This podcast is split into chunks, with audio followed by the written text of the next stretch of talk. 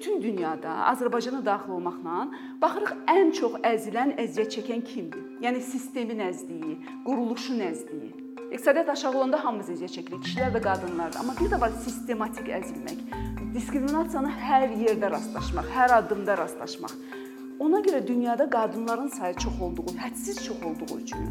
Çünki başqa əzilən qruplar da var. Yalnız qadınlar deyil. Sadəcə qadınların sayı o qədər böyükdür ki, masştabı o qədər böyükdür ki, qızların əlindən ixtiyarları o qədər alınır ki, məcburuq bu saatda biz gender deyirik, sonra həmin başlayırıq qadınlardan və qızlardan danışmağa. Ona görə bu gün yenə sizlə qadınlardan və qızlardan danışacağıq.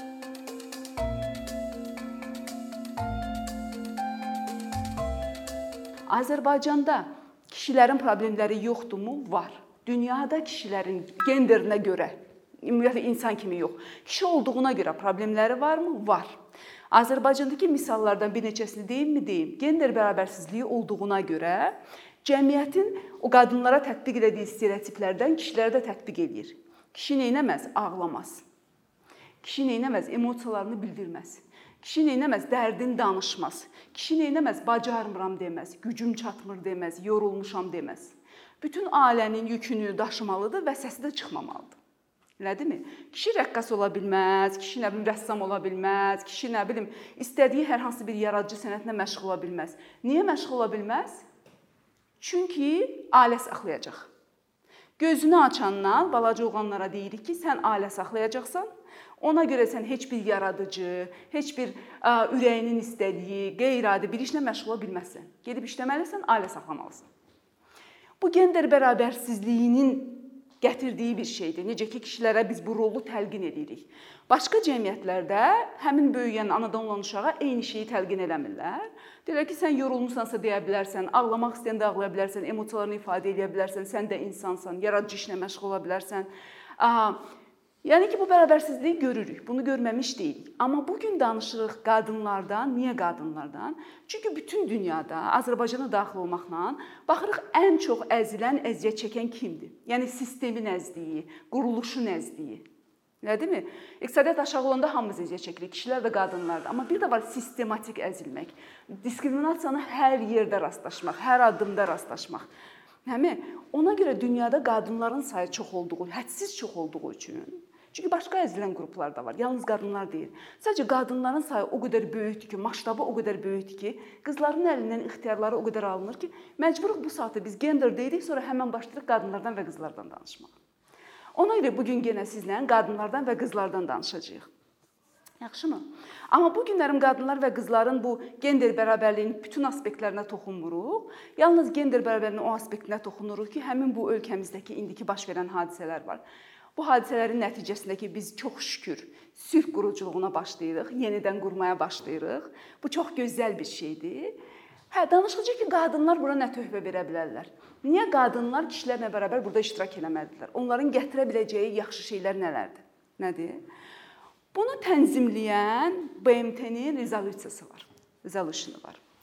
Məşhur bir rezolyusiyası var. 1324 dediyimiz 2000-ci ildə qəbul olunubdur. 2000-ci ildə bir çox dünya ölkələri deyirlər ki, hə, qadınlar sülh quruculuğuna, təhlükəsizliyin təminatında və sülh quruculuğunda qadınlar iştirak etməlidirlər. Elədimi? 2000 indi baxaq 2000-ci ildən bu tərəfə 20 ildən çox keçib təqribən. Baxaq görək nə proqres baş verib. BMT-nin baş katibinin keçən il bu barədə hesabatı çıxmışdı. Hələ bu hesabat optimist hesabatdır. Çünki BMT-nin gördüyü işlər əsasında bizim görə bildiyimiz yerdən baxırıq məsələlərə bəzən istər-istəməz. İndi sizə bir baş bir balaca misal versəm. Deməli, BMT-nin təşkil etdiyi danışıqlarda, sülh danışıqlarında qadınların iştirakı cəmsi 23% idi. BMT olmayan yerdə, BMT-ni birbaşa təşkil etmədiklərdə bundan çox-çox aşağıdır. Nə demək? Yox, dünyanın hər yerində, dünyanın hər yerində vəzi ümumi vəziyyəti götürsək belədir. İndi məsələ burasındadır ki, bizim danışıqlarımızda heç bir dənə də qadın iştirak eləmir. Hər, hər iki tərəfdən mən bildiyimə görə mən görməmişəm. Mən görməmişəm. Bəlkə iştirak eləsələr də şəkillərin heç birində yoxdular. Mən görməmişəm qadınlar iştirak eləsinlər negotiationlarda, sülh quruculuğuna bağlı və ya müharibə ilə bağlı danışıqlarda, indiyə qədərki danışıqlarda. Onlar arxa planda var. Onlar çox işləyirlər. Sənədləri hazırlayırlar, brifinqləri hazırlayırlar. Gözəl qadın diplomatlarımız var. Amma stol arxasında söz deməyə mən görməmişəm. Sülh sazişlərində gender məsələsində, gender məsələsi cəmsi 28%-də adı var ki, qadınlar qorunacaq. Niyə sülh sazişlərində qadınların qorunması qilinir? Qadınlar çox zaman köçkündülər, onlar şeylərdə yaşayırlar və ailənin qayğısına qalırlar, bütün o nə deyim, məişətin qayğısına qalırlar və hətta bəzi müharibə olan ölkələrdə təəssüf ki, zorlamadan silah kimi istifadə edirlər. Qadınlara və qızlara qarşı zorlamadan həmin millətə qarşı silah kimi istifadə edirlər. Ona görə sülh sazişlərində gender aspekti nəzərə alınmalıdır ki, bu sülh sazişi qadınlara istədiklərini, ehtiyacları olanı təmin edəcəkmi yoxsa yox. 28%-dir cəmsi. Orduda qadınların faizi 5.2%dir. Dünyada orduda qadınların faizi budur. Elədimi? Covid-la bağlı ki, bütün dünya ayağa qalxdı. Hamı başladı measure-lar təşkil etməyə, hökumətlər başladılar çox fəal bu barədə işləməyə. Qadınların ehtiyacları cəmsi 42% siyasətlərdə qadınların ehtiyacları nəzərə alınıb. Qalanlarında nəzərə alınmayıb. 58-də nəzərə alınmayıb deməkdir. Nə demək? Yəni belə çıxır ki, idarəetmədən danışası olsaq, idarəetmədə dünya üzrə qadınların faizi 23%-dir. Hökumətin idarə olunmasından danışdıq. Biznes bundan yaxşı vəziyyətdə deyil. Biznes bundan da bərbad vəziyyətdədir bəzən. Baxsaz neçə dənə CEO var, qadın CEO var. Çox çətinliklə taparsınız. Və yaxud da bordlarda neçə qadın var, çox çətinliklə taparsınız. Yaxşı? Bax belə, bunları nəzərə alsaq, hə, gəlin NGO-ların nümayəndələri var, onu da deyim. Qadın haqqları ilə məşğul olan NGO-ların nümayəndələri keçən il il ərzində bu dünyada yardıma gedən, yəni EID-ə gedən pulun cəmsi 1%-ni alıblar. Onlar özləri də 1% təşkil edir, çox az bir hissəsini alırlar. Çox az bir hissəsini alırlar. Baxmayaraq ki, hamımız genderdən danışırıq. 2000-ci ildən bu tərəfə qadınların iştirakı ilə danışırıq, amma çox az qadın təşkilatları bu məsələlərdə iştirak edirlər. Ona görə də Bax baxın 2000-ci ildən olan rezolyusiyadır. Hələ də bu günə qədər keçib üstündən və biz bunu özümüz də BMT-də çox yaxşı qəbul edirik ki, böyük bir proqres eləməmişik. Soruşa bilərsiniz ki, niyə lazımdır? Qadınların iştirakı niyə lazımdır? Birinci klassik arqument odur ki, dünya 50% kişi, 50% qadındır. Elədimi? Və qərar verən bir şey haqqında qərar verəndə Bunun təsiri 50% qadınlara, 50% kişilərdir də, elədimi təsiri olan. Və mənim müqəddəratım həll olunur. Mənim baxdığım yerdən məsələyə baxan adamlar o stol arxasında yoxdur. Əsas məsələ deyil ki, mən olum. Amma qadınların baxdıqları, önəmli saydıqları ki, məsələlər var. Bir icmanı götürsək, hər hansı bir kəndi götürsək, orada qadınlar üçün əhəmiyyətli olan məsələlər var. Ən azından 1-2 qadının orada olub, o qadınların müqəddəratı haqqında qərar qəbulunda orada olması çox böyük bir məsələdir, vacib bir məsələdir. Təmsilçilik məsələsi, bizim orada olmağımız. Başqa nəyə görə lazımdır qadınların olması?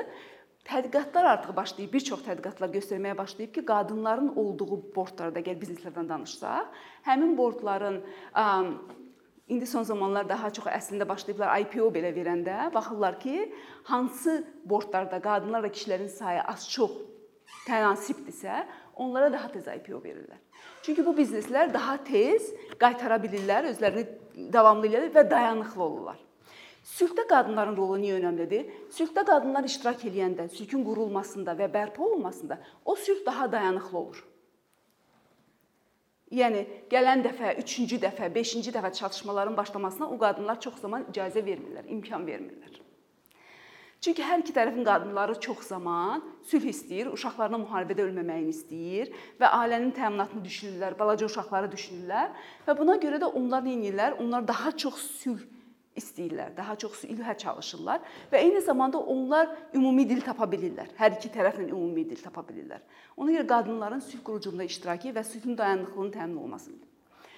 Yenidən qurmaya qayıtsaq, yenidən qurmada əsas məsələ ondan ibarətdir ki, ha-hazırda verilən qərarların bir çoxunda qadınlar iştirak eləmirlər. Bizim ölkəmizdə verilən qərarların əksəriyyətində qadınlar iştirak eləmirlər. Baxa bilərsiniz Covid qərargahından başlayarsınız, sonra baxarsınız ki, orada necə heç kim yox idi. Ondan sonra da gələ bilərsiniz, indi baxa bilərsiniz bizim yenidən qurma ilə məşğul olan qrupumuza. Böyük bir qrupdur. Onlar çox işləyirlər, hədsiz işləyirlər. Amma içlərində qadınların mövqeyini təmsil edən demək olar ki, kimsə yoxdur. Bu o deməkdir ki, həmin bu yenidən ki infrastruktur qurulur, yollar çəkilir, bütün bu işlər görülür. Bunun heç birində qadınların ehtiyacları nəzərə alınmır. Nə demə? Qadınların ehtiyaclarına mən sadəcə misal göstərirəm. Bunu ümid edirəm ki, mövcud stereotipləri mən daha da gücləndirmirəm. Mövcud rollarından çıxış eləsək, uşaqların qayğısına Azərbaycan ailələrində ən çox qadınlar baxırlar, qalırlar. Bu o deməkdir ki, səhər bu ana qapıdan çıxıb işə getmək üçün, getməmişdən öncə uşağı aparır poliklinikaya, poliklinikadan gətirir qoyur uşağı evə, sonra gedir işə, işdən gəlir, gəlir ə, mağazaya, lazım olan şeyləri alır, sonra gəlir evə. Elədimi? Həmin bu marşrutlar qurulanda bu qadınların da ehtiyacları, avtobuslar hardan keçəcək? Adicə infrastruktura baxsanız, hardan keçəcək? Bağça harda yerləşəcək? Məktəb harda yerləşəcək? Qadınlar ən çox hansı sahələrdə işləyirlər? Bunlar nəzərə alına bilər. Elədimi? Yəni bir çox aspektləri var ki, o fərqli ehtiyaclardır və bəzən onu kişilər və ya qadınların təhlükəsizliyi məsələsi, hansı küçələrdən keçəcəklər, bu küçələr nə qədər işıqlıdır, nə qədər təhlükəsizdir. Hamı üçün işıq olmalıdırmı? Olmalıdır. Amma xüsusən qızların qadınlara təhlükənin çox olduğunu gördüyümüz üçün. Başqa məsələ nədir? Başqa məsələ odur ki, infrastrukturdan başqa eyni zamanda sülh quruculuğunda qadınlar necə iştirak edirlər? Bu həm gedir onların həm stol arxasında təmsil olunmaqlarından gedir. Elədimi? Həm o qərarlarda iştirak etməklərindən gedir, həm o qərarları həyata keçirməklərindən gedir. Bunun heç birində təəssüf ki, bir çox ölkələrdə, bizdə də olduğu kimi, qadınlar iştirak eləmirlər. Aha, desənizmi ki, bu ölçülürmü? Dünyada ölçülürmü? Ölçülür. Ölçülür və buna deyirlər VPS indeks. Dünyada belə bir indeks var. Georgetown çıxardır bunu. Hər hansı bir təşkilat deyil, Georgetown University çıxardır Amerikada. Women Peace and Security. Qadınlar sülh və təhlükəsizlik indikatoru. Women Peace and Security indikatoruna görə Azərbaycan 123-cü yerdədir. Hə, tədqiqatlara şübhə eləyə bilərsiniz. Bəli, tədqiqatlar obyektiv olmaya bilirlər. Onlar bəzən yerli reallığı bilmirlər. Bəzən baxırsan ki, biz hansısa başqa ölkənin bir yerdəyik, bizim baxdığımız yerdən biz bir yerdə deyilik. Amma tədqiqatların o tərəfi var ki, onlar obyektiv measure əsasında ölçürlər də, hələdimi? Və Azərbaycanda bizi əsas yer qoyan şeylərdən biri həmin bu indikatorlarda geri qoyan şeylərdən biri. Çünki qadınlar sülh və təhlükəsizliyin bir hissəsi qadınların gender zorakılığından təhlükəsizliyin təmin olunmasıdır. Elədimi? Bax bizi o indikatorda geri qoyan məsələlərdən biri ölkədə müdafiə mexanizminin olmamasıdır. Yəni qadınlar tutaq ki, gender zorakılığına məruz gələn qadının getməyə yeri olmalıdır. Onun təhlükəsizliyi təmin olunmalıdır ona psixoloji dəstək verilməlidir. Ona lazımsa sosial dəstək verilməlidir. Hər hansı bir müavinətlər ala bilərsə hökumətdən, hər hansı bir dəstək ala bilərsə o alınmalıdır. Elədimi?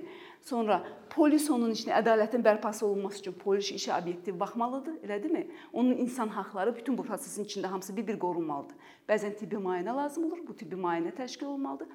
Bir çox ölkələrdə hökumət əlaqəli şəkildə işləyir. Yəni çünki bu bir orqanın işi deyil müdafiə mexanizmi deyilən bir şey var və bu qadın bir yerə yaxınlaşanda həmin hökumət strukturları işə düşürlər və onlar koordinal olunmuş şəkildə bunu edirlər. Bizdə belə deyil.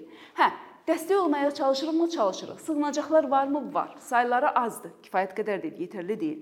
İkincisi də sistem hələ də işləmir. Bir sığınacağın olması o demək deyil ki, bu qadın təhlükəsizdir və yaxud da onun cəmiyyətə inteqrasiyası mümkündür. Lazım ki, ona xüsusi dəstək verilsin, ehtiyaclarına uyğun dəstək verilsin ki, o cəmiyyətə yenidən inteqrasiya olunsun. Yəni bizi geri qoyan indikatorlardan biri budur. O birisi əlbəttə ki, müharibə şəraitində olan bir ölkə olmağımızdır ki, biz təbii ki, bizim situasiyamız çox ölkə, hər ölkə deyə bilməz.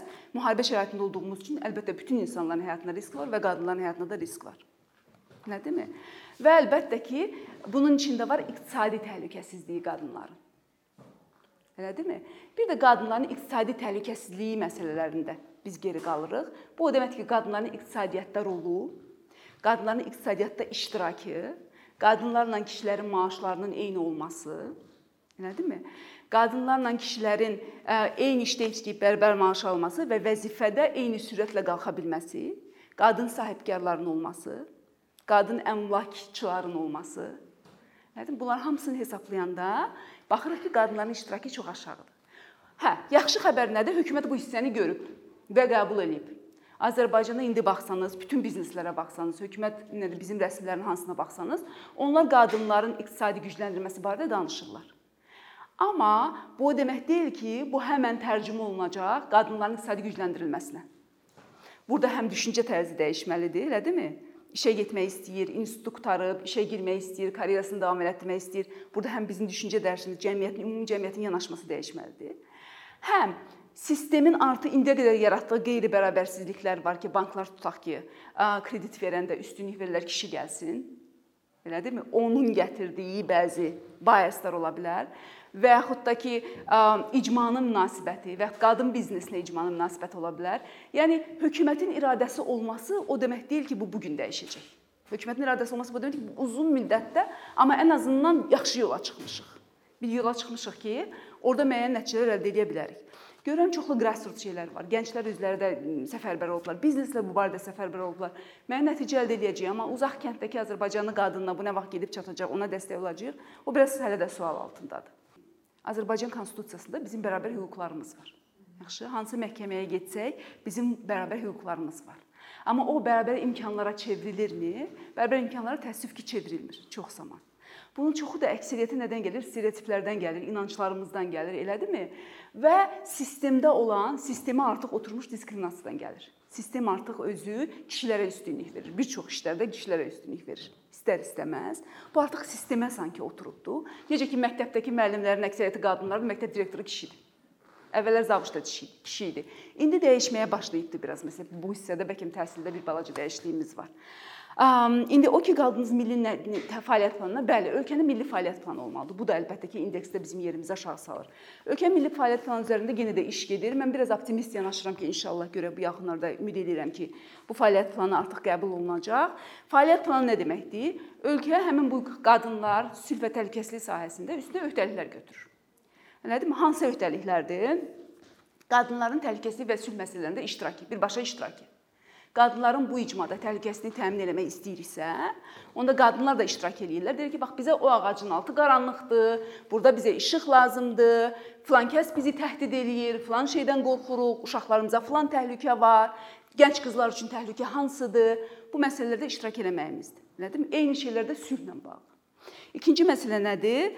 Gender bərabərliyinin həmin bu yenidən qurmada sülhün qurulmasına hər yerdə nəzərə alınması ki, bu məsələlər, bu qərarlar qadınlara necə təşkil edir, kişilərə necə təsir edir, elədirmi?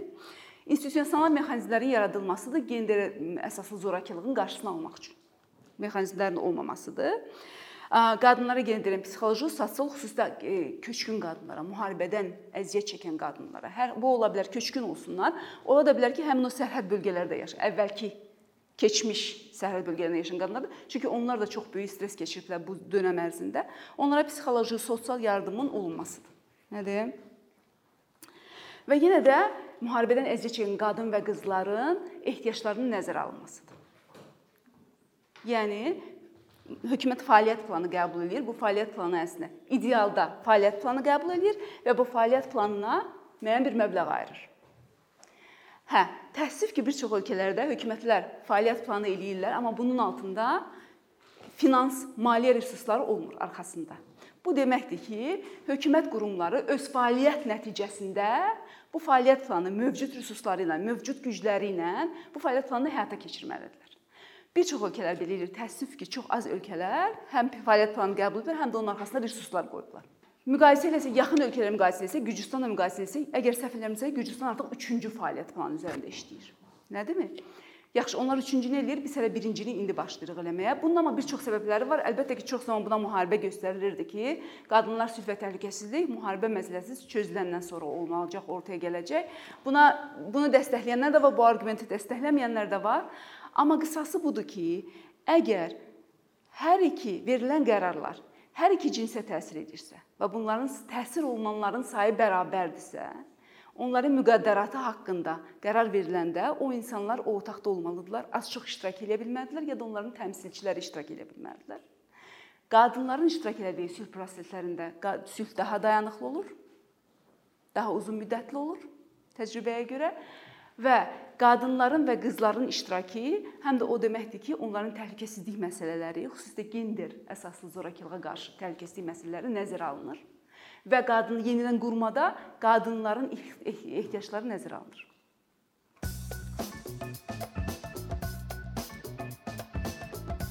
Bir neçə ildir ki, əkinçi olaraq Azərbaycanlı izləyicilərin hər zaman faydalana biləcəyi keyfiyyətli və ən əsas ödənişsiz kontent hazırlamağa çalışırıq. İndiyədək təqdim etdiyimiz onlarla animasiya və yüzlərlə çəkilişlər tələbələrin, mütəxəssislərin, müəllimlərin və ümumiyyətlə yeni mövzulardan xəbərdar olmaq istəyən çox sayda insanın marağına səbəb olub. Bu illər ərzində hazırladığımız videolar təhsil, texnologiya, ictimai fəallıq, iqtisadiyyat, gender bərabərliyi, ətraf mühit, ifadə azadlığı, hüquq, demokratik inkişaf, mədəniyyət və digər mövzuları əhatə edib.